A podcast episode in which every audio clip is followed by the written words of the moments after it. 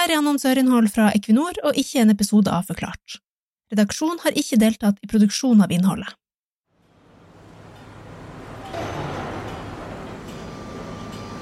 Dette er lyden av tung industri. Store fabrikker og smelteverk der man produserer stål, jern og sement. Det er en av de vanskeligste industriene å få over på fornybar energi. Og CO2 vil alltid være et av avfallsstoffene i de kjemiske prosessene. Så hva skal vi gjøre med det enorme CO2-utslippet fra tungindustrien? Et av svarene på det er karbonfangst og -lagring. Et begrep vi ofte hører i klimadebattene, men som de færreste forstår hva er.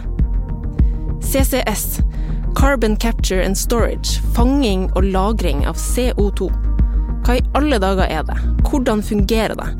Og hvem var det egentlig som kom på ideen om å fange og så lagre CO2-en under havbunnen? Dette er historien om de norske CO2-jegerne.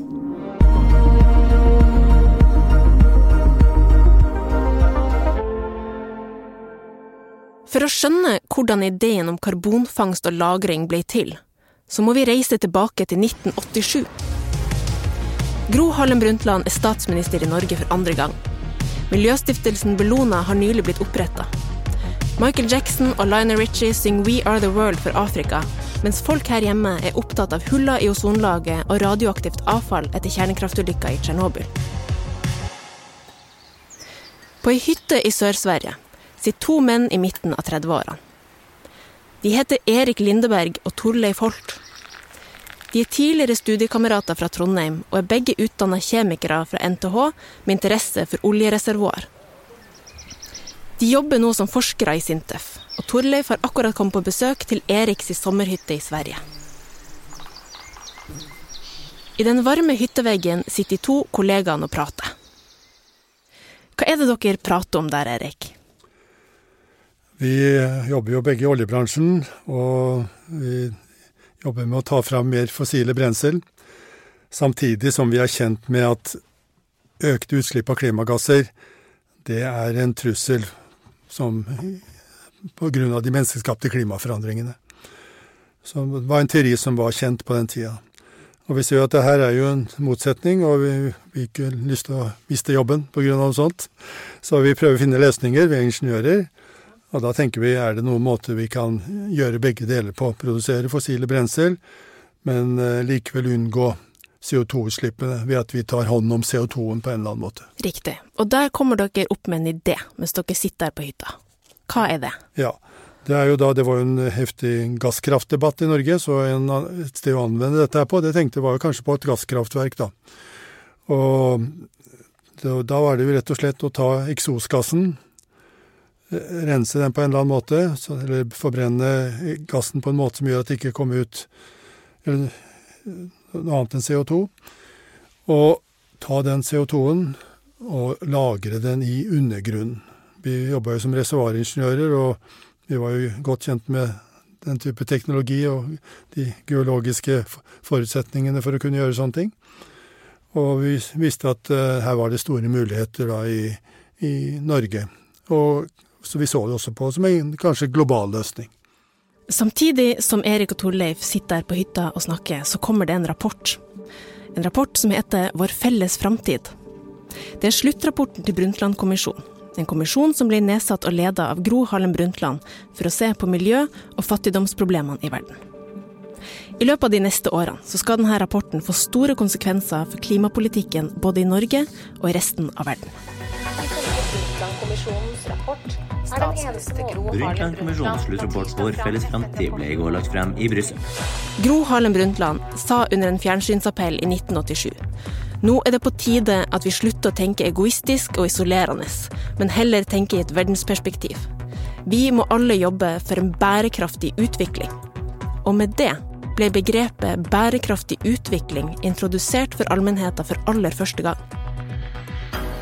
Tilbake på hytta i Sverige snakker de to forskerne om CO2 i atmosfæren. Å fange og putte CO2 ned under bakken, det hadde oljeindustrien i USA allerede begynt med.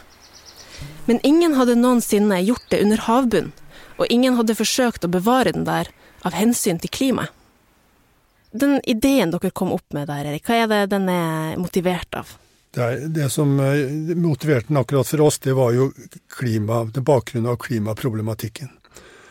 Og vi drev jo også og jobba med dette med økt oljeutvinning, hvor man kunne få ut mer olje. Og det var jo kjent som en sånn metode også. Og vi tok og satte ting sammen på litt forskjellig vis, og vi var jo også godt kjent med teknisk kjemi, da, hvordan CO2 kan håndteres, hvordan det kan eh, separeres og ulike eh, sånne nødvendige faktorer, da.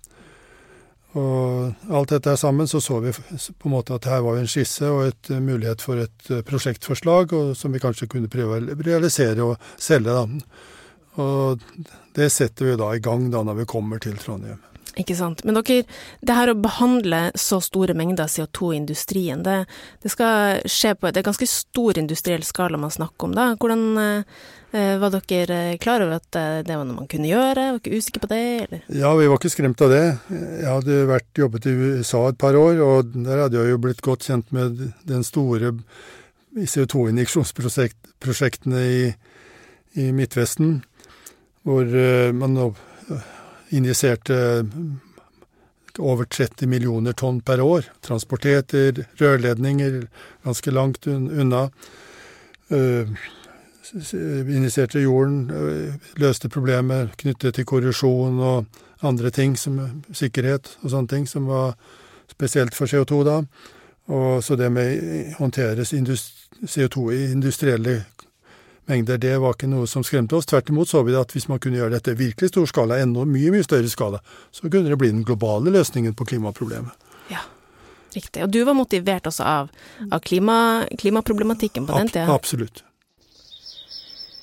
Ideen til det vi i dag kaller karbonfangst og -lagring, den blir født der, på hytta i Sverige en sommerdag i 1987. Tilbake i Trondheim søker de to forskerne om å sette i gang et prosjekt med navnet Gasskraftverk og håndtering av CO2. Og Formålet med det var å vise de tekniske og økonomiske mulighetene med å fange og injisere CO2 ned under havbunnen. Rapporten får flere medieoppslag og mye omtale. Den blir et insentiv til ikke bare å se på CO2 som et problem, men også som en mulighet. Lagring i tomme olje- og gassreservoarer vurderes i flere miljøer. Miljøbevegelsen er begeistra for rapporten, og Erik reiser rundt og holder foredrag om mulighetene for karbonfangst og -lagring. Olje- og gasselskapene derimot er langt mer skeptisk til den nye CO2-teknologien. Hvorfor er olje- og gasselskapene så skeptiske til den nye teknologien, eh, tror du? Eh, vi viste jo at det var jo Vi ser økonomi i dette her, da. at det var en positiv økonomi, at det kunne lønne seg. Men det var jo helt sikkert ikke like lønnsomt som det å utvinne jomfruelig olje og gass av nye reservoarer. Altså skumme fløten av uh, nye reservoarer. Og det var jo ikke noen restriksjoner i, i, det. Man så for seg at her kunne vi finne nye olje- og gassreservoarer hele tiden, og, og, åpne de, da. Og dette her var jo det å injisere CO2 i dem, det var jo på en måte å grave dypere i dem reservoarene, ta ut mer eh, enn normalt, kanskje, liksom, og, sånn, og det er jo en dyrere metode enn en, en sånn jomfruelig produksjon. Så det var jo ikke det som sto først på dagsordenen. Men eh, så økonomiske styrer jo veldig mye her, da. Ja, men miljø, miljøbevegelsen, miljøaktører, de var, de var, interessert i det dere hadde funnet ut? Ja, absolutt. Eh, Bellona, men også Natur og Ungdom. Der var det en rekke aktivister som var veldig interessert i dette her. og jeg ble jo invitert på deres landsmøte i hvert fall to år, husker jeg, og holdt foredrag om disse tingene, hvor de konfronterte meg med andre ledere, industriledere og sånne da, debatter. Og avisene slo opp dette ganske mye. De tok jo illustrasjoner fra vår rapport som kom, havnet på førstesiden i en del aviser, og, så det fikk eh, en del føtter å gå på, da. Og vi spilte selvfølgelig kortene det vi kunne, da, for å prøve å få flere prosjekter. Men ikke alle i olje- og gassindustrien er like skeptisk. En forsker og ingeniør i det statlige oljeselskapet er nysgjerrig på karbonfangst og -lagring. Han får etablert et forskningssamarbeid med Erik og Torleif. Men selv om samarbeidet mellom Statoil og Sintef-forskerne er etablert, så skjer det ingenting i industrien. Det er ingen som gyver løs på ideen om CCS i olje- og gassektoren. Og grunnen til det er enkel. På slutten av 80-tallet er både fanging og lagring av CO2 dyrt. Altfor dyrt. skal nå hele ideen, teknologien og muligheten til å forhindre CO2-utslipp til atmosfæren forsvinne før den i det hele tatt har begynt. Men så I 1991 skjer det noe. Fra årsskiftet innførte Norge en CO2-avgift. Avgiftens formål er å redusere utslipp av klimagassen CO2. I Norge skal det nå koste penger å slippe ut CO2. Og CO2 det er det mye av i petroleumsnæringa. Derfor må olje- og gassektoren tenke nytt. Helt nytt. Du har nå hørt den første episoden av CO2-jegerne. For å høre resten av miniserien kan du gå til podkasten Energinasjon Norge. Den finner du på Spotify eller Apple Podkaster. Du har hørt annonsørinnhold fra Equinor, produsert av Try. Aftenpostens redaksjon har ingen rolle i produksjon.